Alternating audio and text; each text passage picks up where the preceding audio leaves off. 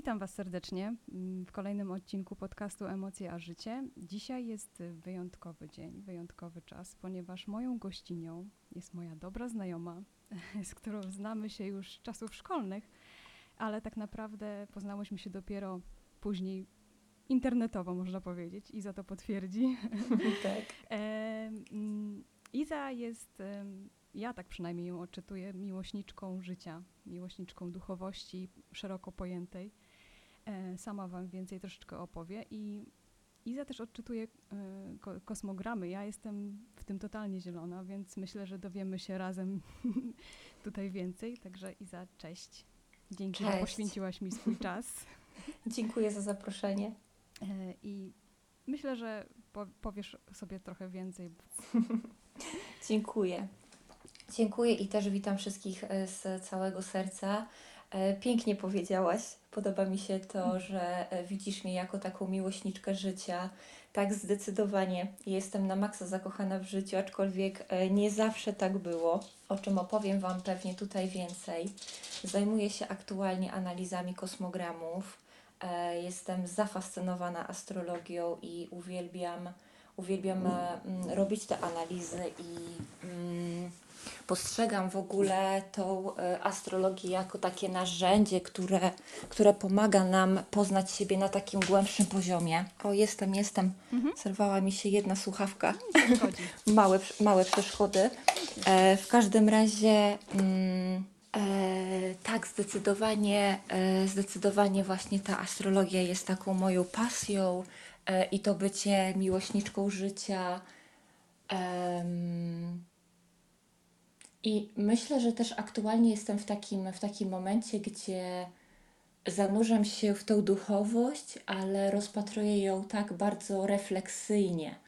Na zasadzie, co w ogóle robią mi przekonania, w które e, uwierzyłam kiedyś, i co robią mi też przekonania dotyczące duchowości, w które uwierzyłam w czasie mojej ścieżki.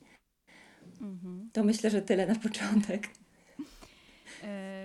Ja powiedziałam o tej miłośniczce życia, bo tak cię odczytuję. Tak mi się wydaje, że um, to z ciebie płynie, tak, taka, takie właśnie przesłanie, żeby, żeby pomimo tych trudności, pomimo tego, co się nam wszystkim przydarza e, różnego w życiu, mm, to jednak e, gdzieś tam z tymi trudnymi doświadczeniami, trudnymi emocjami warto się pogodzić, pogodzić warto je zaakceptować i iść dalej. I stąd też moje takie pytanie, czym są w ogóle dla Ciebie emocje? Mhm. Jak byś je określiła? Mhm. Emocje są dla mnie takimi wskazówkami e, tego, e, jak aktualnie doświadczamy danej sytuacji. E, sama emocja żyje w nas bardzo krótko, ale kiedy pojawia się na przykład smutek albo żal czy poczucie winy, cokolwiek po prostu przychodzi, to warto jest się zatrzymać w tym i zobaczyć, co ja w ogóle myślę w tym momencie, co ja czuję na swój temat, czy na temat sytuacji, e, w wyniku której ten na przykład smutek przyszedł, w co ja uwierzyłam, jak ja to po prostu postrzegam. To jest dla mnie taki moment refleksji, e, zobaczenia, Mm, jak odczuwam daną sytuację. Więc jest dla mnie taką wskazówką do tego, żeby być może zatrzymać się na ten moment, być może coś potrzebuje uwolnienia, być może jakaś część nas potrzebuje przyjęcia, zauważenia, objęcia jej miłością. Więc jest dla mnie takim komunikatem z naszego ciała, z naszego wnętrza, tego co w nas. Mhm. Pięknie to powiedziałaś. A, a powiedz mi, um, czym są dla Ciebie trudne emocje? Czy, mhm. czy jest to coś, bo bardzo wielu z nas, bardzo wiele z nas e, mówi w ogóle na emocje, negatywne emocje, co mhm. ja generalnie nie lubię tak mówić i e, wszystkich zawsze poprawiam, co może nie jest e, grzeczne z mojej strony ale uważam, że każda emocja jest potrzebna i, i to też długa droga do tego mnie doprowadziła, żeby to zrozumieć. Mhm. E, I, i, I, czym dla, dla ciebie są te trudne emocje, te trudne mhm. doświadczenia, które, które cię spotkały w przeszłości? Czy, czy odczuwasz to jako lekcję, czy bardziej jednak jako mm, czy masz żal może do tego, Mhm. że coś cię spotkało w życiu, co, co, co nie chciałabyś, żeby cię spotkało? Mhm. Czy jednak to odczuwasz właśnie jako teraz już po, po tej drodze, którą przeszłaś? Czy to odczuwasz Mhm. jako, jako lekcję, jako coś, co było potrzebne? Mhm. E, Ja też właśnie nie lubię tego e, kategoryzowania jako emocje negatywne, pozytywne. W ogóle taka polaryzacja sama w sobie uważam, że nie robi nam dobrze. Mhm. Dlatego, że e, i tutaj wskażę na jedną z moich ulubionych książek, Rozmowy z Bogiem Walsha, który właśnie w tych rozmowach z Bogiem doświadcza takiej refleksji. E, bo myślę, że są to takie rozmowy z tym Bogiem, który jest w każdym z nas, że gdybyśmy nie doświadczyli nigdy smutku, gdybyśmy nigdy nie doświadczyli tych trudnych, właśnie niewygodnych emocji, to czy bylibyśmy w stanie w pełni doś- do, docenić szczęście, czy też e, błogostan, czy też miłość, tak? Że być może potrzebujemy właśnie tych mniej wygodnych emocji, tych, od których w jakiś sposób uciekamy, bo one są niewygodne, a my no nie chcemy niewygody, ale one tak naprawdę mają nam bardzo wiele do zaoferowania. I moja perspektywa w ogóle jest taka, ja, ja totalnie nie żałuję niczego, co wydarzyło się w moim życiu.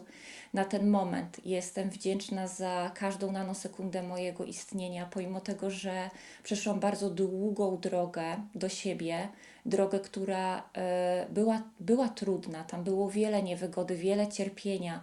Wiele się wydarzyło w moim życiu, takich rzeczy, za które jeszcze parę lat temu e, przeklinałam wręcz moje życie. Byłam, byłam w takim miejscu totalnie em, poczucia, że, że jestem niekochana y, przez Boga, przez wszechświat, cokolwiek wierzymy, skoro tak wiele wydarzyło mi się złego.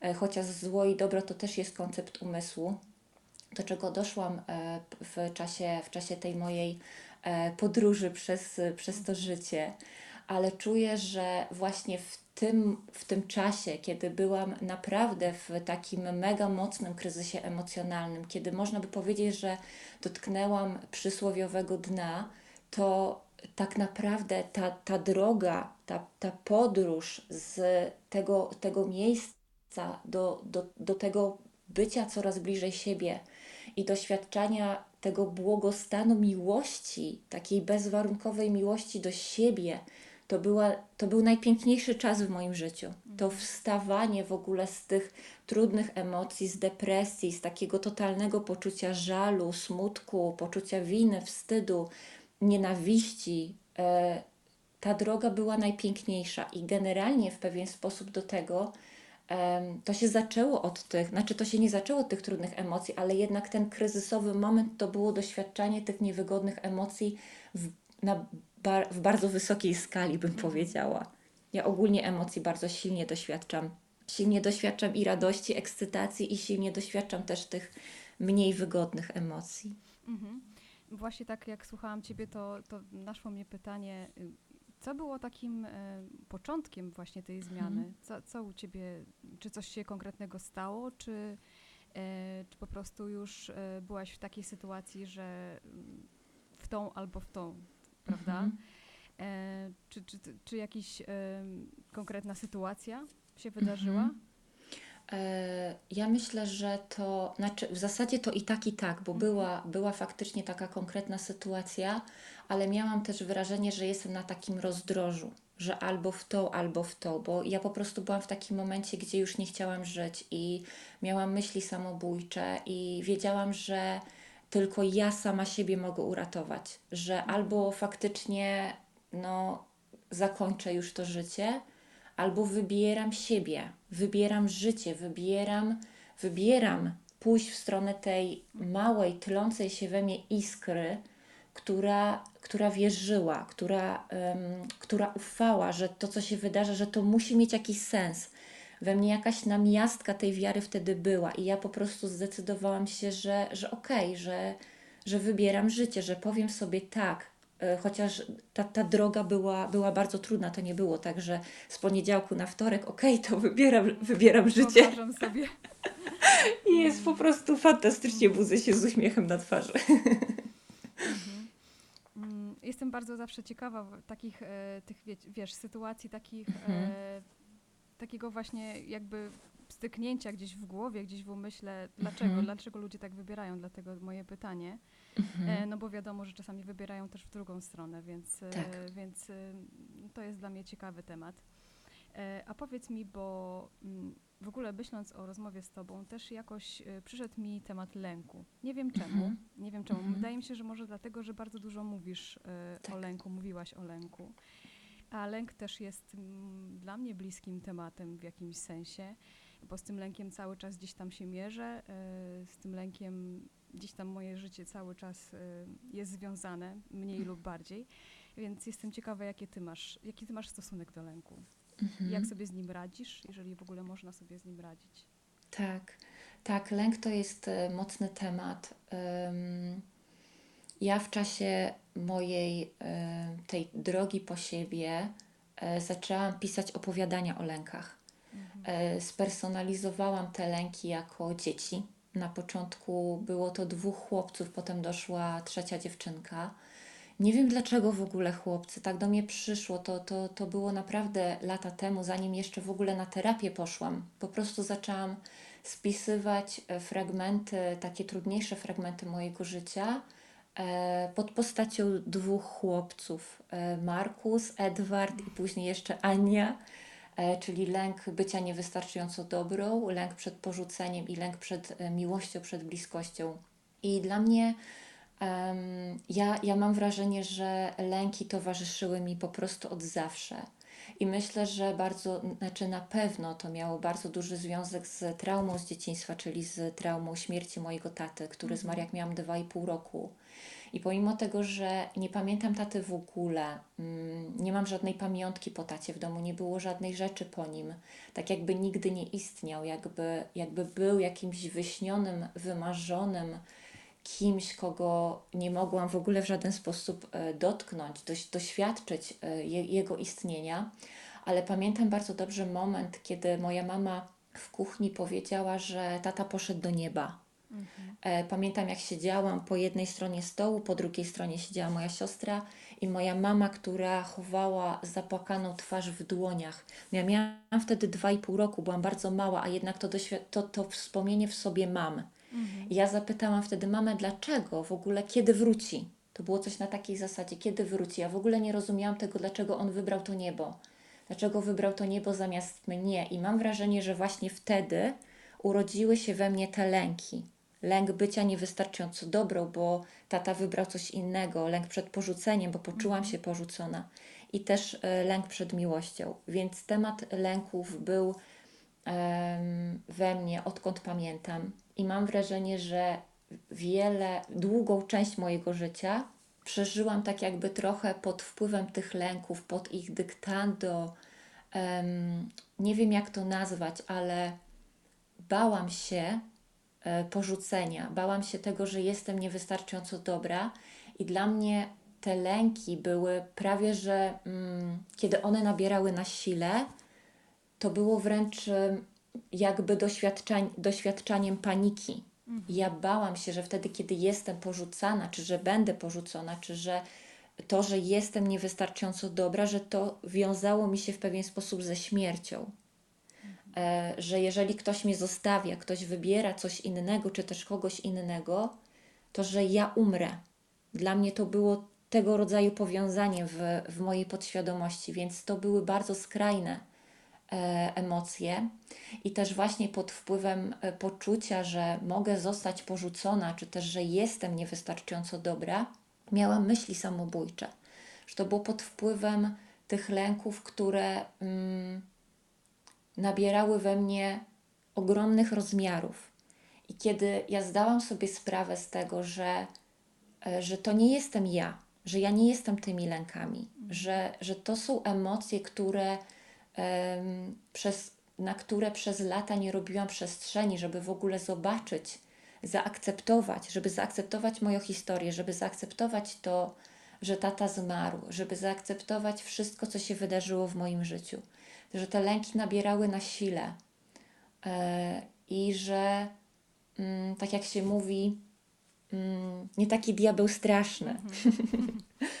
Coś na takiej zasadzie, więc te lęki potrzebowały ja mam wrażenie, że ta część mnie, która tak bardzo się bała, czyli to małe dziecko, ono po prostu potrzeba, a było małe.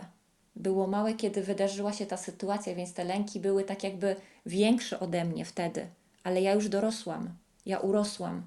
Ja już jestem większa niż ta dwójpółletnia dziewczynka, która cały czas w sobie nosiła te lęki. I to po prostu potrzebowało, mm, może nawet nie tak po prostu, bo to były, to były lata, to były lata y, y, terapii, e, przeczytania różnych książek, medytacji, kursów, jogi, ustawień Hellingera, e, cała masa rzeczy, która wydarzyła się po drodze, ale to wszystko było po to, ażeby móc objąć tą, tą małą mnie, żeby móc powiedzieć sobie, że, że jest ok, że wcale nie jestem niewystarczająca, że w ogóle to jest iluzja, że nie możemy być niewystarczający, że nie możemy być gorsi, że nikt nigdy mnie nie porzucił, że nikt nigdy nie mógł mnie porzucić. E, I że ja jestem miłością, więc bojąc się miłości, tak jakbym bała się po części siebie. Mm, no ale to był długi proces. E, tak, widzę bardzo dużo siebie w tobie, powiem ci mhm. szczerze, i myślę, że gdybyśmy kiedyś porozmawiały głębiej, to bardzo dużo rzeczy nas łączy. Może nie, nie miałam takiej um, traumy, nie straciłam rodzica, mhm. e, ale dużo innych rzeczy się też wydarzyło w życiu, które gdzieś tam traumami mogę nazwać. Mhm. E, I powiem ci szczerze, że y, ja do tej pory mierzę się z różnymi też e, rzeczami z przeszłości z mojego dzieciństwa, bo mam, tako, mam takie poczucie, że to, co się wydarzyło w dzieciństwie, tak naprawdę ma bardzo duży wpływ na to, jak, jakimi jesteśmy ludźmi, jak żyjemy. I tak. mamy ten wybór, tak? Y, czy, czy chcemy dalej tkwić w tym? Oczywiście też ja nie uważam, żeby zapominać, żeby gdzieś tam chować mhm. pod dywan, bo to, to, też nie jest rozwiązanie, ale żeby zaakceptować y, tą przeszłość. Tak. I, I mam do Ciebie pytanie, czy czy masz jakieś swoje takie, nie wiem, ja wiem, że sposoby to jest, no nie ma czegoś takiego, ale czy wypracowałaś coś takiego, co może być inspiracją dla kogoś, żeby właśnie zaakceptować, żeby móc w ogóle e, podjąć ten temat akceptacji przeszłości? Bo myślę, że każdy z nas e, mierzy się z, z, czymś z przeszłości, co, co, co, co wymaga zaakceptowania. Mhm. Ja myślę, że to jest w ogóle E, proces, który się nie kończy, że dokąd my jesteśmy tutaj na Ziemi, dotąd w ogóle mogą wypływać z naszego cienia, tak, nazwijmy to tak, e, mhm. różnego rodzaju powypierane części nas, różnego rodzaju lęki. To jest, e, to, to, to, to jest stałe. Znaczy, to, to po prostu się wydarza, i ja też w dalszym ciągu mierzę się z różnymi e, sytuacjami, w których wybrzmi cały czas jakiś lęk i, i mogę zobaczyć, że aha, czyli jeszcze czasami siebie porównuję, jeszcze czasami jest, jest we mnie jeszcze żywy, um, żywy ten aspekt, że czuję e, się niewystarczająca, że, że czuję, że jakaś sytuacja dotyka mnie personalnie i że e, określa w jakiś sposób moją wartość, że, że jeszcze to wybija to się po prostu pojawia. Ale w takich sytuacjach, kiedy już tak poczuję, robię sobie przestrzeń na te emocje, które się pojawiają, pozwalam sobie po prostu doświadczyć smutku, pozwalam sobie na płacz, pozwalam sobie na to, żeby żeby pojawiło się to, co we mnie, nie blokuję tego. Nie mówię sobie, Boże, Izabela, tyle lat, a ty jeszcze, a ty jeszcze po prostu Znowu czujesz płaczesz, się gorsza, znowu płaczesz. Mhm. Dokładnie, nie biczuję siebie za to, że taką drogę już przeszłam, że tyle lat, że, że w taki długi proces i jeszcze w ogóle coś się pojawia, bo nie ma takiego szczytu, na który wejdziemy i już będzie po prostu high life. To, to jest iluzja. Nie ma czegoś takiego. W moim poczuciu sama droga, samo bycie tu, w drodze, w doświadczaniu siebie, integrowaniu tych części siebie, to, je, to jest właśnie najpiękniejsze, co mamy. To doświadczanie, to przypominanie sobie, bo kiedy tak, takie jest moje doświadczenie, taka jest moja perspektywa, że kiedy ja pozwalam sobie na ten płacz, na ten smutek, kiedy, kiedy ja sobie przypomnę w wyniku tego smutku, że jest ok, że jestem wystarczająca, że mogę objąć siebie, że mogę powiedzieć sobie: Iza, kocham cię, lubię cię, w ogóle lubię cię. To jest też bardzo ważne. To jest ten moment, kiedy kiedy serce rośnie i to jest najpiękniejsze doświadczenie, kiedy my pozwalamy sobie po prostu być tacy, jacy jesteśmy, z tym wszystkim, co mamy, bo taka jest moja historia, a nie inna. To doświadczyłam i też właśnie to, co powiedziałaś, bardzo ważne jest zaakceptowanie tego, co się wydarzyło, nie walczenie z tym, zaakceptowanie. Nie musimy tego rozumieć, nie musimy wchodzić aż tak bardzo e, w to, że najwyraźniej tego potrzebowałam, bo to zapewne tak jest, zapewne dusza wybrała konkretne e, doświadczenia do swojego wzrostu i, i, ewolucji, i na poziomie tym duchowym możemy, możemy to zrozumieć, ale na ludzkim poziomie czasami doświadczamy po prostu no, trudnych rzeczy i naprawdę dużego cierpienia. I, to nie, nie i, i te, tego nie musimy rozumieć w pełni dlaczego, ale zaakceptować. Tak, tak, tak ja to bynajmniej czuję, że zaakceptować, że okej, okay, mój tata zmarł jak byłam mała, okej, okay, wychowywałam się bez taty, okej, okay, byłam w bardzo trudnej relacji, okej, okay, po prostu okej. Tak, tak wyglądało moje życie. Wy, po, podejmowałam takie wybory, jakie umiałam na dany moment, biorąc pod uwagę tamto doświadczenie i tamtą wiedzę, więc robiłam najlepiej jak mogłam.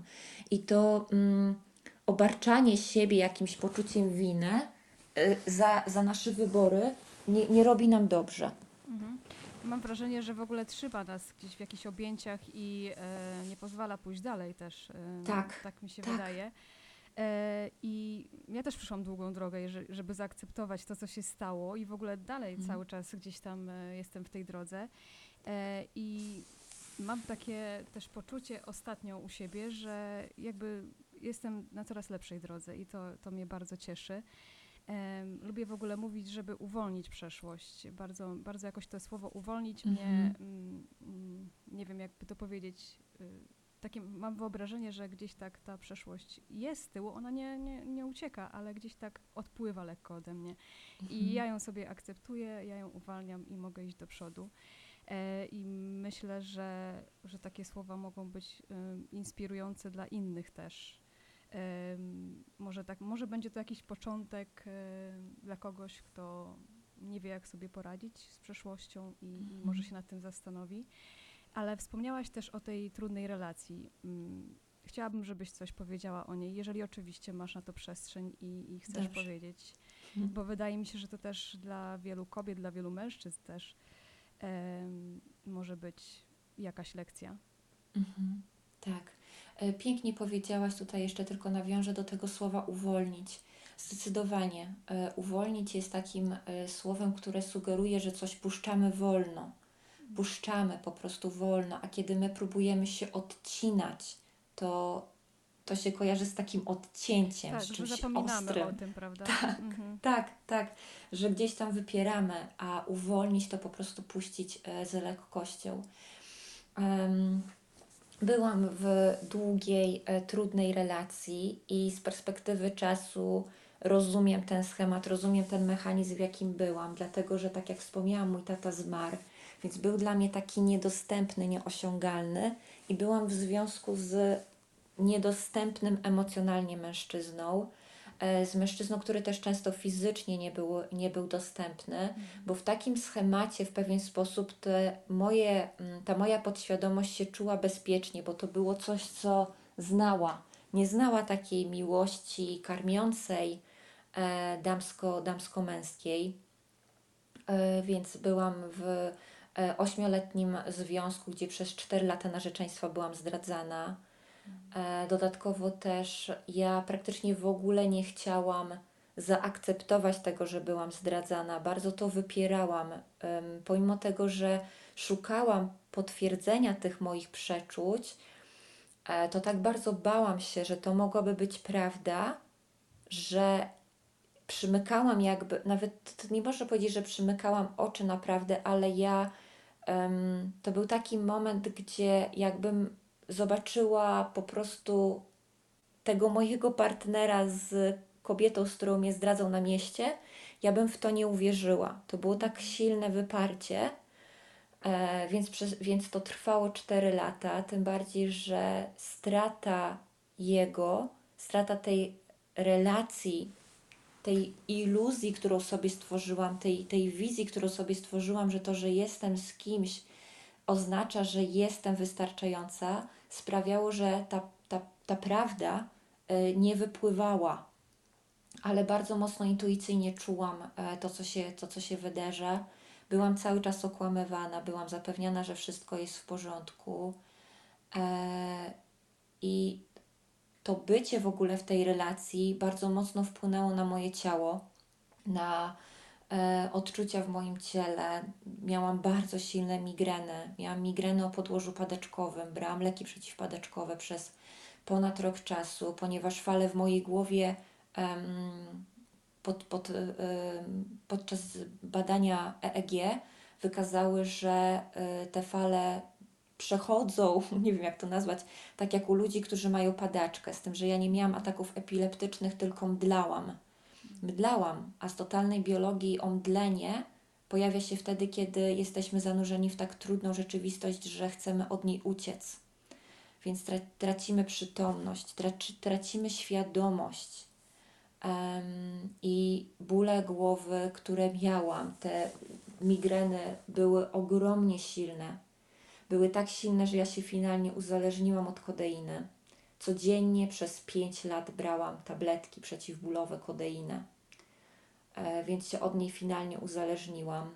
Co później wyglądało tak, że em, zaczynałam dzień w ogóle od tej kodeiny. To były takie rozpuszczalne w wodzie tabletki. Do tej pory tak mam, że jak ktoś na przykład robi sobie magnes albo wapni taki, czy multivitaminę rozpuszczalną, to aż po prostu czuję takie drżenie e, w organizmie, no bo jednak uzależnionym się jest, się zostaje. Z tym, że nie, nie, nie biorę tej kodeiny od już trzech lat. E, I to też zadziało się e, samo, mam wrażenie. Ja wiem, ja wiem, jak to brzmi, ale po prostu któregoś razu wieczorem, kiedy brałam ponownie tą kodeinę, po prostu po, poprosiłam wszechświat, moją duszę, w cokolwiek wierzymy, powiedziałam, że ja już nie chcę tego więcej, że ja po prostu jestem zmęczona, że jestem zmęczona tym, że mnie boli głowa, bo ona mnie faktycznie bolała. Tak jakby bolała mnie już po to, żebym to wzięła. Że, że, już, że już nie chcę, że już nie mam na to siły. I faktycznie na drugi dzień e, wybrałam zwykły paracetamol. I na ten moment już nie doświadczam tak silnych migren. E, nie, nie mam migren na podłożu padaczkowym, nie mdleję e, i nie biorę kodeiny. Mhm. No właśnie, to już powiedziałaś, ale chciałam Ci zapytać, jak to się stało, że przestałaś Mhm. ją brać? To jest Mhm. ciekawe, nie? Tak, że z dnia na dzień e, Tak. po prostu tak sobie powiedziałaś. Tak. Bardzo, bardzo, bardzo Mhm. mądrze i bardzo, naprawdę jestem pełna podziwu. E, a powiedz mi, mm, jak, to jak to się stało, że, mm, że w końcu jakby dopuściłaś do siebie tą myśl, że, że bliska Ci osoba jest wobec Ciebie, no, Mhm. rzecz, ma, mało rzecz ujmując, e, no niefajnie, niefajnie się zachowuje. Mhm. E, I jak, jak doszłaś do tego wniosku w końcu, żeby, żeby zawalczyć o siebie? I czy w ogóle zawsze warto walczyć o siebie? Zawsze warto Mhm. walczyć o to, żeby żyć w tej prawdzie i em, nie dać się okłamywać. Mhm. E, Wyglądało to w ten sposób, że to, to jest w ogóle ciekawe, bo ja byłam wtedy już w trakcie terapii, byłam też Mhm. bardzo mocno w takim, mm, znaczy może nie bardzo mocno, ale byłam na początku takiej duchowej drogi e, i byłam zafascynowana Marszalem Rosenbergiem i porozumiewaniem bez przemocy. I oglądałam jego filmiki w internecie i pomyślałam, że porozmawiam w ten sposób z moim partnerem. E, I ja tak naprawdę z tak. e, Ja myślę, że już w jakiś sposób była we mnie być może gotowość na poznanie prawdy. E, I, I ja z nim tak porozmawiałam, powiedziałam, że ja, że ja potrzebuję wiedzieć, że ja potrzebuję znać prawdę. On wtedy bardzo rozpłakał się tego wieczoru, ale nie powiedział mi nic. Powiedział, że wszystko jest w porządku, a na drugi dzień, e, kiedy to był taki jeden z kluczowych dni, e, ponieważ mieliśmy kupować mieszkanie. Mhm. E, I on wtedy powiedział, że się zakochał. Że się zakochał, więc generalnie prawda wy, wydobyła się sama, aczkolwiek nie powiedział mi, że to trwało tak długo. Całej takiej prawdy o tym, jak wyglądało, jak wyglądała ta zdrada, jak wyglądała ta jego relacja z tamtą kobietą, dowiedziałam się rok później, w zasadzie przez przypadek. Zadzwoniła do mnie siostra męża tamtej kobiety, myśląc, że ja jestem dalej w związku z tym partnerem, Mhm. po, po, powiedzieć mi, że mój narzeczony mnie zdradza. ja już nie byłam w tej relacji, ale też wierzę, że to się nie, nie zadziało bez przyczyny, to, że, że to zadziało się dopiero rok później, bo ja byłam już zdecydowanie bardziej stabilna. Gdybym wtedy się dowiedziała, że on faktycznie mnie zdradzał, ta, że to tak długo trwało, że to nie był efekt zakochania się, wiecie, Mhm, zakochanie mhm, się to na zasadzie No tak. trzy tygodnie się spotykam, się zakochałem, ale że to trwało tak długo, y, to był bardzo mocny wtedy czas u mnie. Ja, ja wtedy naprawdę tak ym, byłam w- mocno w tych myślach samobójczych, w depresji, brałam antydepresanty i myślałam, że jak się rozda- rozstaniemy, to po prostu wyskoczę przez balkon. E, ale ja, ja nie wiem generalnie skąd we mnie się wzięła wtedy ta cała siła. Ja mam wrażenie, jakby, jakby, jakby nie, nie wiem, jakby, mm, jakby to się działo obok mnie. Jakbym ja była w jakiś sposób prowadzona, wyprowadzając się w ogóle stamtąd, gdzie ja znalazłam w sobie siłę, żeby powiedzieć mu, że ma spać na podłodze i pomimo tego, że on w jakiś sposób tam jeszcze e, próbował, nie wiem jak on sobie to wyobrażał, czy złagodzić całą sytuację, to było w ogóle tydzień przed świętami Bożego Narodzenia, Mhm. więc pojechałam do domu wtedy e, i, i kiedy wróciłam i on się zapytał, czy może się normalnie położyć e, z, z, przy mnie do łóżka, to ja znalazłam w sobie siłę, żeby powiedzieć nie. I nie wiem, nie wiem w ogóle skąd we mnie była ta siła, bo naprawdę byłam wtedy w takim e, czasie, w takim miejscu, gdzie chciałam z nim być za wszelką cenę, bo miałam wrażenie, że jeżeli się rozstaniemy, to ja przestanę istnieć. To nie będzie mnie. To się okaże, że ja faktycznie jestem gorsza, że ja faktycznie jestem niewystarczająca, że faktycznie zostaję porzucona. Nie chciałam być porzucona. Nie, wizja porzucenia była dla mnie równoznaczna z tym, że ja nie istnieję.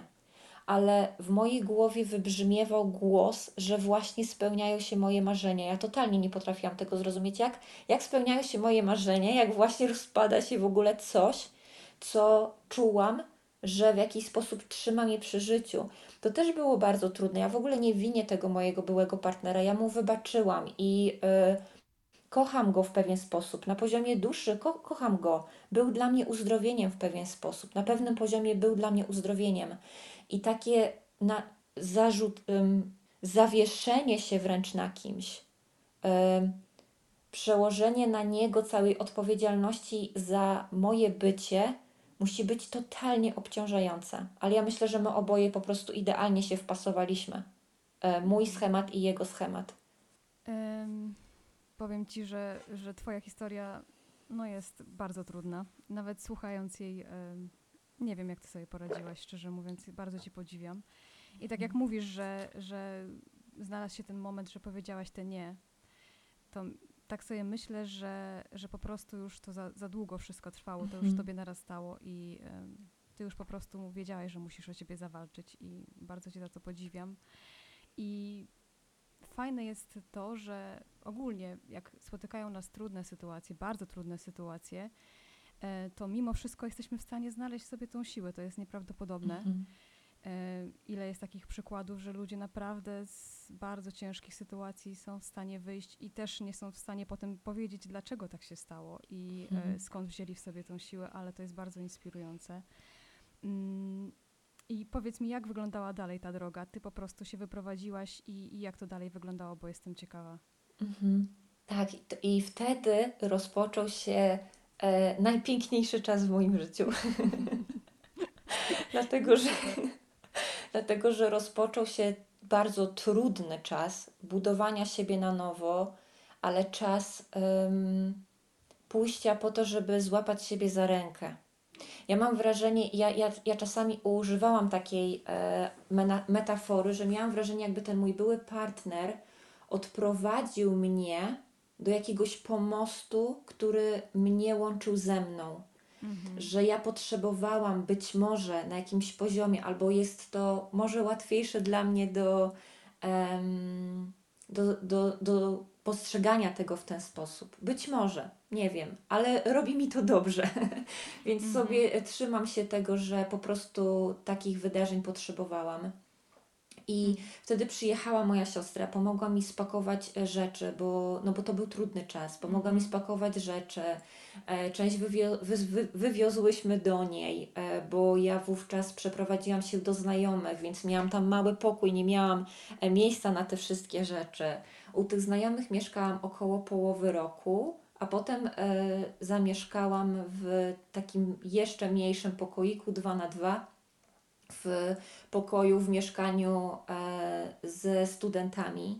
E, więc też generalnie w mojej głowie głos, jakie spełnione marzenia, jak ja w ogóle mieszkam z ludźmi młodszymi ode mnie, bo ja miałam wtedy um, ile ja miałam wtedy lat? 33 lata miałam wtedy, mm -hmm. więc dla mnie to było takie. Porażka. O maj, porażka, przegrałam mm -hmm. życie, po -hmm. prostu co to ma być. Mhm. Ale ja stwierdziłam, że pomimo tego, że ten umysł mi, mi tak wybrzmiewał i naprawdę niejednokrotnie spotykałam się po prostu z tym poczuciem, że, że po prostu przegrałam, e, ale starałam się jak, jak mogłam, na tyle, na ile mogłam, robić tyle, ile mogłam dla siebie, postawić siebie na pierwszym miejscu. I wtedy bardzo dużo podróżowałam sama. Byłam na festiwalu muzycznym sama, byłam nad morzem sama, byłam w górach sama, jeździłam po różnych wioskach sama, po to, żeby po prostu być ze sobą. Stwierdziłam, że chcę poznać tą dziewczynę, że ja chyba, jej, że ja chyba siebie nie znam do końca, że, że kim ja jestem. Tak bardzo słyszałam wtedy słowa, że, że trzeba być sobą, z tym, że kim, kim ja jestem. I myślę, że w tym poznawaniu, kim ja jestem, jestem w dalszym ciągu, że to, to jest właśnie niekończąca się historia. Ale to był czas, kiedy ja zaczęłam um, poznawać siebie. Zaczęłam wtedy, założyłam wtedy blog. To było dokładnie trzy lata temu. Jutro będzie trzecia rocznica. O, gratulacje. Dziękuję. Mojego blogu Esencja Mnie. Założyłam kanał na YouTube, gdzie nagrywałam filmy gdzie nagrywałam filmy o moich refleksjach. Po prostu dzieliłam się z ludźmi z tym, co, co myślę o życiu, i przez to nagrywanie się, ja mam wrażenie, że w tych nagraniach wydobywała się jakaś część mnie, której wcześniej nie dostrzegałam. Ja oglądałam te moje nagrania później i często oglądałam je z otwartą buzią. Ja po prostu słuchałam, mhm. słuchałam siebie. I dla mnie to było bardzo terapeutyczne. Mhm. Bo to jest, jest coś takiego terapeutycznego w prowadzeniu jakby takiego dziennika myśli, można powiedzieć, mhm. prawda? Ja kiedyś mm, jako dziecko prowadziłam pamiętnik. E, nie mhm. myślałam o tym w sensie terapeutycznym, ale bardzo mhm. lubiłam pisać i zawsze pisałam i, i to do, do bardzo długich e, nastoletnich lat praktykowałam. Potem właśnie jak zaczęło się to powiedzmy dorosłe życie, to jakoś tak zaprzestałam ale w pewnym momencie y, wróciłam do tego i wróciłam też właśnie do jakby mówienia swoich myśli na zewnątrz i stwierdziłam, że właśnie blog mi nie wystarcza, że, że mhm. chcę coś jeszcze i tak, tak powstał podcast y, w sumie mhm. też trzy lata temu. E, I to jest też takie terapeutyczne dla mnie, właśnie. To jest takie terapeutyczne dla mnie. I jak słucham swoich filmików swoich podcastów sprzed tych trzech lat, no to też z jednej strony się uśmiecham, bo, bo, bo to no, są takie rzeczy, które, które już teraz gdzieś mi są dalekie, ale mhm. z drugiej strony się uśmiecham dlatego, że no, to jest ta moja droga, y, którą przeszłam i, y, i to jest fajne. Fajne, fajnie się tego tak. słucha z, tak, mhm. takim wzruszeniem nawet, jak teraz to mówię czasami. Mhm. Gdzieś tam się wzruszę. E, mm, I powiedz mi, potem jak, e, jak już się właśnie wyprowadziłaś, jak już mhm. e, zaczęłaś tą walkę o siebie taką naprawdę, mhm. e, co dalej się wydarzyło? Jak to wyglądało w sensie takim, czy zawodowo, jak to mhm. wyglądało, jak to wyglądało um, ogólnie takim pojętym e, myśleniu o tym, co dalej, jak, jak, jak chcesz, żeby wyglądała twoja przyszłość? Tak. Bo wiem, że tam się dużo też zadziało takich właśnie zawodowych rzeczy, że mhm. zrezygnowałaś z pracy i tak dalej, więc jestem ciekawa, jak to też e, bardzo mnie tak. to interesuje. Dużo się zadziało. Pamiętam e, jeden z takich e, ważnych momentów w moim życiu. E, to było jak jeszcze mieszkałam ze znajomymi. Mm, myłam naczynia, słuchałam jakiegoś webinaru dotyczącego miłości do siebie. Już nawet nie pamiętam, kogo wtedy słuchałam, ale przyszły do mnie słowa: Nie bój się tonąć, tylko tak nauczysz się pływać. I ja wtedy bardzo mocno się rozpłakałam. Pozwoliłam sobie ażeby te emocje, które, ten płacz, ten żal w ogóle, że to się wydarzyło, wiecie, bo to też no, ciężko jest, kiedy mamy takie trudne doświadczenia, po prostu zaufać, to wszystko było mi potrzebne, No oczywiście, okej, jest idę ciężko. dalej. Dokładnie, więc generalnie tak, to wszystko, co, co się w nas nakumulowało, to potrzebuje ujścia, to potrzebuje takiego trochę, bym powiedziała, pozwolenia sobie na takie pobiadolenie, co mi się zadziało, co mi się zadziało w ogóle, oh my god, i tyle mi się zadziało, wypłakać to, wykrzyczeć w jakiś sposób, pozwolić sobie po prostu dać upust temu nerwowi też, że, że, że tak wyglądało nasze życie, że takich wyborów podjęli, pod, że takie wybory podjęliśmy i że nie podjęliśmy innych wyborów. Więc to był też bardzo taki mocny moment w moim życiu. Ale później, gdy ja byłam w, w, tej całej drodze takiego poznawania siebie, takiego pokochiwania siebie, takiego w ogóle zafascynowania trochę tymi refleksjami, do jakich, e, do jakich dochodziłam, e, zafascynowaniem tym, że mam w sobie odwagę, że żeby pojechać gdzieś samej. To było też w ogóle dla mnie niesamowite doświadczenie, bo zaczynałam zauważać, jak dla każdego z nas co innego może być wyzwaniem. Dla mnie pojechać samej, spakować plecak to nie było aż takie wyzwanie, ale pójść samej do restauracji na obiad to było oh my god. Ja po prostu jak byłam w Krakowie, to prawie pół dnia chodziłam po starówce, zaglądałam do tych kawiarni, gdzie jest najmniej ludzi, żeby pójść zjeść, bo dla mnie to było ludzie ocenią, że jestem sama. No tak. Ona jest sama. Nikt jej nie kocha, nikt jej nie lubi, ona jest sama. Więc dla mnie to było duże wyzwanie. Ale właśnie kiedy ja podejmowałam próby, że, że ja zrobię to dla siebie, że ja po prostu zrobię to dla siebie, właśnie to, czego się boję, właśnie to, co podpowiada mi umysł, że, że, że, mm, że tego się boję najbardziej, to ja pójdę i spróbuję to zrobić na tyle, na ile mogę w, dziś. Na tyle, na ile mogę dziś to zrobić. E, I cała ta droga sprawiła, że po prostu krok po kroku dotarłam do tego miejsca, w którym jestem. To jest aż trudno w ogóle opowiedzieć, jak to się wszystko zadziało, ale faktycznie zrezygnowałam z pracy etatowej. Z pracy etatowej zrezygnowałam w tym roku w kwietniu, gdzie w ogóle też był, to też jest ważne, był taki czas, kiedy właśnie zaraz po rozstaniu z moim byłym, ja miałam w sobie taki trochę bunt na zasadzie, że okej, okay, to niech teraz odpadnie wszystko, co mi nie służy, niech idzie sobie, niech po prostu sobie idzie. I, i ja byłam pewna, że mnie wywalą z pracy. po prostu. Jak już ma odpadać to na raz, żebym się potem nie, nie, nie, nie martwiła za bardzo. Niech odpada, ale nie zwolnili mnie z pracy. Zwolniłam się sama w kwietniu tego roku bo już tak bardzo chciałam pójść w stronę astrologii, która tak naprawdę fascynowała mnie odkąd pamiętam. Odkąd pamiętam, interesowało mnie to, dlaczego ludzie, którzy są spod tego samego znaku, są totalnie inni. Ja i moja siostra, obie jesteśmy solarnymi lwicami, ale jesteśmy inne. I mnie to zastanawiało, dlaczego jesteśmy inne. Skoro lew to ma takie i takie znaki zodiaku. I pamiętam, że właśnie trzy lata temu, to, to wszystko w ogóle się działo w okolicach tego rozstania. E, moja siostra przyniosła kosmogram do domu przyniosła takie narzędzie, czyli mapę układu planet z chwili naszego urodzenia. Jak ja zobaczyłam ten mój kosmogram urodzeniowy, ja się na początku bardzo zezłościłam, dlatego że tam dużo było, dużo można było um, zrozumieć z tego, co się wydarzyło w moim życiu. Byłam trochę zagniewana na ten układ planet, że właśnie taki, że to pewnie jego wina ale potem dopiero e, z czasem, jak się zanurzałam coraz bardziej w tą astrologię, zrozumiałam, że, um, że po prostu moja dusza mogła wybrać taki czas, takie miejsce, po to, żeby przejść przez pewnego rodzaju drogę swojego duchowego wzrostu. Um, I zrezygnowałam z pracy po to, żeby się e, po prostu tym tematem już mógł zająć tak w pełni. E, mhm. E, to jak już jesteśmy przy tym, to, to, to chciałabym, żebyś tak trochę powiedziała o tym kosmogramie, bo mhm. szczerze powiem, że ja też nie do końca jestem w temacie, nie mam wiedzy na ten temat, a mhm. myślę, że to jest ciekawe. E, myślę, że coraz bardziej ludzie idą w tą stronę, w sensie takim, że to takie się robi, można powiedzieć, że nawet popularne, tak mhm. zauważyłam. I powiedz mi, co daje odczyt kosmogramu, co nam Mhm. mówi, e, w czym może pomóc może, albo w czym nie może pomóc, bo ludzie myślą, że pomoże, a, a tak naprawdę tak naprawdę to nie, nie o to chodzi. Że, tak, Tak. Wiesz, taka pigułka, o co chodzi z Mhm. kosmogramem. Dobrze, więc e, e, kosmogram jest to układ planet z chwili naszego urodzenia, z chwili dokładnie, czyli Mhm. jest e, potrzebna nasza godzina. I ja myślę, że hmm, jakby o tym opowiedzieć.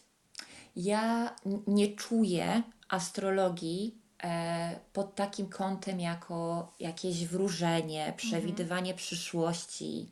E, oczywiście są astrolodzy, którzy się, tym, którzy się tym zajmują, są ludzie, którzy tego potrzebują na jakimś etapie swojego życia. Ja to wszystko szanuję, ale ja uważam, że najważniejsze jest, żebyśmy wierzyli w siebie i w swoją sprawczość.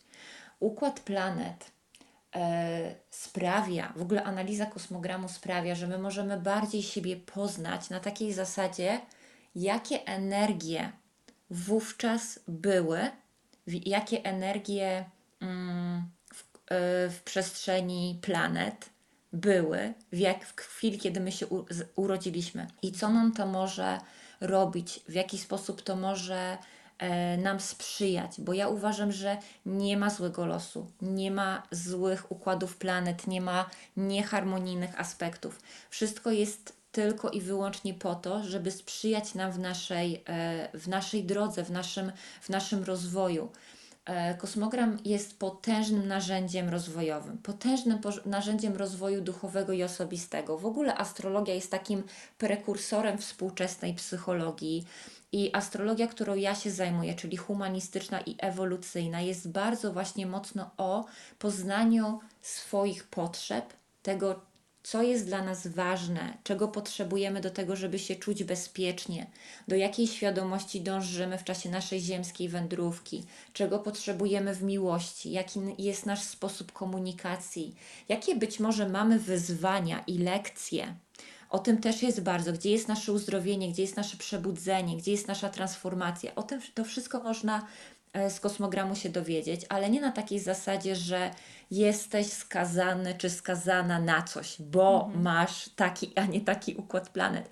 To jest wszystko zawsze po to, żebyśmy my mogli zobaczyć, bo kiedy mamy świadomość tego, że e, z jakimiś wyzwaniami może przyjść nam się mierzyć, albo być może wyzwania, z którymi mierzyliśmy się w życiu, mm, t- dla mnie kosmogram jest taką, mm, takim narzędziem, które daje nam szansę zaakceptowania tego, co się wydarzyło. I może to być, e, może w, wynikać e, to, to moje postrzeganie z tego względu, czego ja doświadczyłam, bo ja faktycznie w moim kosmogramie zobaczyłam e, układy planet, które mówiły o stracie w dzieciństwie, czyli tata. E, Mój Chiron w ósmym domu e, mocno też jest, to, to jest zraniony uzdrowiciel, on też jest mocno o śmierci, nie tylko e, rodzica, ale też śmierci relacji, czy też w ogóle takiego mm, trudnego mojego doświadczania wizji śmierci, prób samobójczych e, i tak dalej. Wiele jeszcze innych rzeczy, to tego też się tak nie da rozpatrzeć e, oddzielnie każdej planety, ale, ale całość, jak to zebrałam do kupy, to po prostu bardziej zrozumiałam moją, moje funkcjonowanie, moje postrzeganie, moje, em, moje, moją perspektywę, która nie, niekoniecznie była dla mnie sprzyjająca. I kiedy ja mogłam zobaczyć tą moją perspektywę, tą moją być może jakąś wewnętrzną walkę, e, to mogę teraz wybrać inaczej. To mogę wybrać inaczej, bo kosmogram nie jest narzędziem, które mówi, że właśnie, tak jak już wspomniałam, że jesteśmy na coś skazani, ale on nam ujawnia pewne rzeczy, naświetla nam pewne rzeczy, które jeżeli nas nie karmią, to możemy je zmienić. Mhm. A powiedz mi, jak to najczęściej się zgłasza do ciebie podczas os- o- o kosmogramu? Czy to są jakieś konkretne osoby w sensie w jakichś takich trudnych sytuacjach życiowych, czy, czy raczej osoby, które em, chcą właśnie bardziej się, nie wiem, rozwinąć w sensie duchowym, ogólnie osobistym? Mhm. E, bardziej siebie poznać. O, Mhm. zdecydowanie. Mhm. Właśnie fajnie, że o tym powiedziałaś, tak, bo, bo dla mnie też jest e, to narzędzie właśnie po to, żebyśmy mogli bardziej siebie poznać, bardziej siebie zrozumieć i przychodzą do mnie głównie takie osoby, które chcą właśnie siebie poznać, e, głównie kobiety. Mhm. Zdarza mi się, że ktoś e, przychodzi z prośbą o zrobienie horoskopu trzymiesięcznego czy półrocznego. Absolutnie w ogóle się nie zajmuję takimi rzeczami. Nigdy czegoś takiego nie zrobię, dlatego że po prostu no, nie chcę odbierać nam tej sprawczości. Ja mogę opowiedzieć o energiach tranzytu, czyli tego, jak aktualny układ planet nakłada się na ten nasz kosmogram urodzeniowy i jakie energie mogą nam towarzyszyć. Mhm. Ale to, jak my wybieramy, ażeby ta energia zadziałała w naszym życiu, jest po naszej stronie. Każda planeta i każdy znak zodiaku można by powiedzieć, że ma swój korzystny i niekorzystny wariant.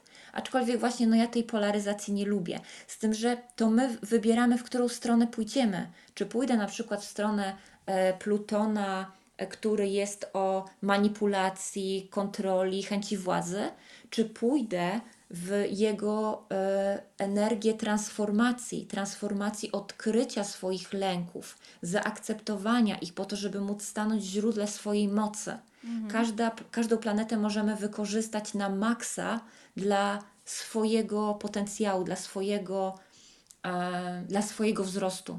Mhm. Czyli tak naprawdę odczytujesz to, co jest Mhm. zapisane gdzieś tam e, Tak. w momencie naszego urodzenia, gdzieś tam się zapisuje, a, a Mhm. każdy z nas może wyjąć z tego, co, co chce, prawda? Tak, tak. E, co uważa. Bo mam wrażenie, że ludzie często właśnie, te, jak słyszą kosmogram, czy właśnie, no to, to też bardzo często myślą o tym, o tym horoskopie, prawda? Że to jest Tak. takie, taki stereotyp, że e, czyli pójdę, powiem mi, jak mam żyć, nie? tak. To jest takie, ja, ja mam to, z, że powiem, z mojego doświadczenia, w sensie moja mama bardzo e, wierzy w, jakby w, horoskop i, i okej, Mhm. no i to, to, to, tak, tak lubi. Bardzo dużo czyta tych horoskopów, e, ale też nie jest tak, że ona bierze to tak zero-jedynkowo. To też jest, Mhm. e, to też jest e, dobre z jej strony, no bo gdyby brała, no to wiadomo, że te horoskopy różnie są pisane i oczywiście są ludzie, którzy się tym zajmują i są naprawdę dobrzy tak. w tym, a są tacy, no niestety, którzy mm, mało mają umiejętności, a więcej to jest, żeby pieniążki zarobić niestety, Tak, tak. bo jest to popularne, prawda? Więc e, zawsze ludzie będą chcieli czytać horoskopy, więc niektórzy się tym zajmują tylko dlatego, żeby... Mhm. Mm, no dobrze. Mm, Myślę, że powoli będziemy kończyć, bo już prawie godzinę rozmawiamy. tak, tak. Tylko E, bym chciała jeszcze na koniec jedną Mhm. rzecz właśnie powiedzieć, bo em, a propos właśnie kosmogramu, Mhm. e, bo tak jak mówię, jest to narzędzie potężne i faktycznie ja praktycznie, za, znaczy nie praktycznie, ja za każdym razem mam e, odzew po analizie, że generalnie wszystko się sprawdza w 95% Naprawdę? średnio. Tak, Naprawdę? tak. E, ale że na przykład e, przez to ludzie bardziej zaakceptowali swój, swoją strategię, Mhm. e, swoją strategię tego, czego potrzebują do tego, żeby się czuć bezpiecznie, bo na przykład jesteśmy kolektywnie zanurzeni w takiej wizji, że każdy z nas powinien mieć męża, e, dzieci, a mężczyzna powinien postawić dom, zasadzić drzewo. Tak, tak, i- stereotypy.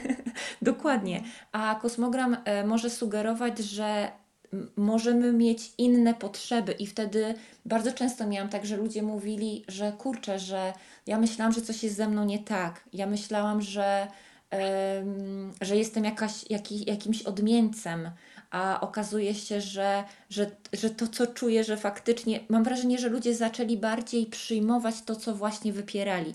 I ja w taki sposób e, pragnę em, realizować e, te kosmogramy, analizy. Bardzo serdecznie zapraszamy na kosmogramy do Izy. Dziękuję. Jeszcze tam Dziękuję. podam oczywiście e, w opisie odcinka wszystkie namiary na Izę. E, Ale na koniec jeszcze chciałam zadać takie pytanie, bo mm, tak sobie pomyślałam, jak już miałam wizję tego, że będę zapraszać gości, e, to wybrzmiało we mnie takie jedno pytanie, które stwierdziłam, że zawsze na koniec będę zadawać wszystkim osobom. Więc to jest takie pytanie, którego nie ustalałyśmy, ale myślę, Mhm. że, że nie jest jakieś trudne i ale myślę też, że nie jest e, takim pytaniem, które często sobie sami zadajemy. Mhm. E, więc e, bardzo często taki wstęp zrobię. Bardzo często mówimy, że, że coś nam się w życiu udaje. Jak coś zrobimy, e, to o, udało mi się, prawda? Mhm. E, I ja lubię odwracać tę sytuację i powiedzieć, że przecież to jest twoja praca, to się nie udało, tylko po prostu y, wykonałeś odpowiednią pracę i, i dlatego taki jest efekt. E, więc ja mam do ciebie pytanie, Iza. Jakbyś tak pomyślała, z czego jesteś e, dumna najbardziej tak w życiu?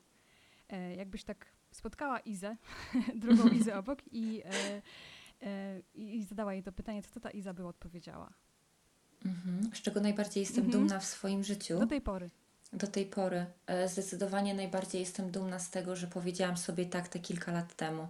Bo to, że ja powiedziałam wtedy komuś nie, by powiedzieć sobie tak, sprawiło, że jestem w tym miejscu, w którym jestem. A jestem też teraz w pięknej, karmiącej relacji z pięknym mężczyzną, o czym właśnie nie powiedziałam. I e, myślę, że wtedy, kiedy my naprawdę pokochamy siebie, kiedy mm, wyciągniemy do siebie rękę, kiedy e, przestaniemy myśleć, że ktoś z zewnątrz przyjdzie i nas uratuje, kiedy, kiedy zrozumiemy, że tylko tak naprawdę my, że, że tylko my, że tylko ja mogę siebie objąć w ramionach, bo finalnie każdego, każde cierpienie, każdą emocję doświadczamy w samotności. Nawet kiedy się dzielimy tymi emocjami, to i tak tylko ja czuję to, co robi mi ten smutek czy żal. Więc kiedy ja obejmuję siebie, to jest ten kluczowy moment. I z tego jestem najbardziej dumna, że powiedziałam sobie tak e, i zamknęłam tam te drzwi. Mhm. Bardzo piękne. Dziękuję Ci za to Dziękuję. i zachęcamy wszystkich e, do tego, żeby odpowiedzieli sobie na to pytanie, z czego są dumni, bo wiem, że bardzo często mm, nie potrafimy sobie zadać tego pytania, nie potrafimy w ogóle dopuścić do siebie myśli, Mhm. Że, że to my, że to my mamy tą sprawczość i że to my e, tak naprawdę jesteśmy tymi autorami naszego życia. E, tylko bardzo często właśnie mówimy, że coś nam się udało, prawda? Tak, E, tak. I tak jakby z, to gdzieś tam obok udało się po prostu. No Mhm. fart, fart, szczęście. E, Odbieramy sobie moc. Dokładnie. Mhm. Więc dziękuję Ci Iza za to spotkanie. Dziękuję. Naprawdę e, jestem wzruszona. To jest mega no, przemiłe spotkanie. Super, że nam się udało mm, nie nagrać.